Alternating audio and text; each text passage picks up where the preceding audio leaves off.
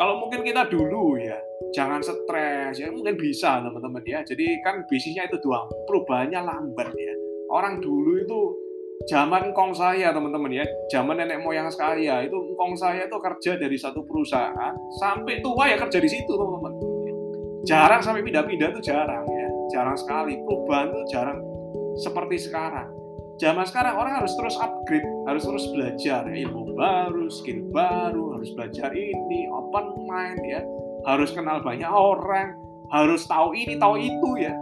Jadi membuat kita ini akhirnya lebih banyak waktu untuk bekerja, belajar, kurang istirahat ya. Apalagi pola makan tidak berimbang. Hari ini saya baru makan dua kali ya. Tadi jam 5 saya makan teman-teman ya.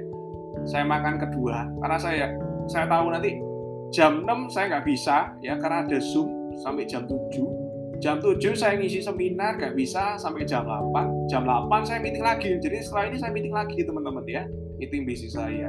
Nah saya makannya jam 5 biasanya saya ada waktu ya sudah saya sambil makan teman-teman ya.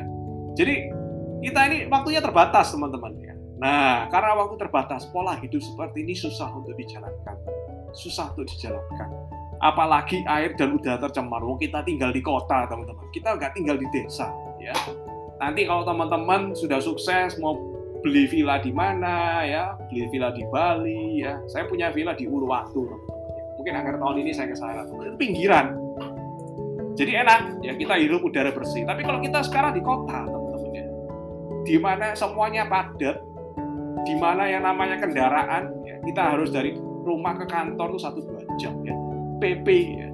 Belum lagi kita harus mampir ini, mampir itu, mampir pola hidup seperti ini susah untuk dijalankan. Susah untuk dijalankan.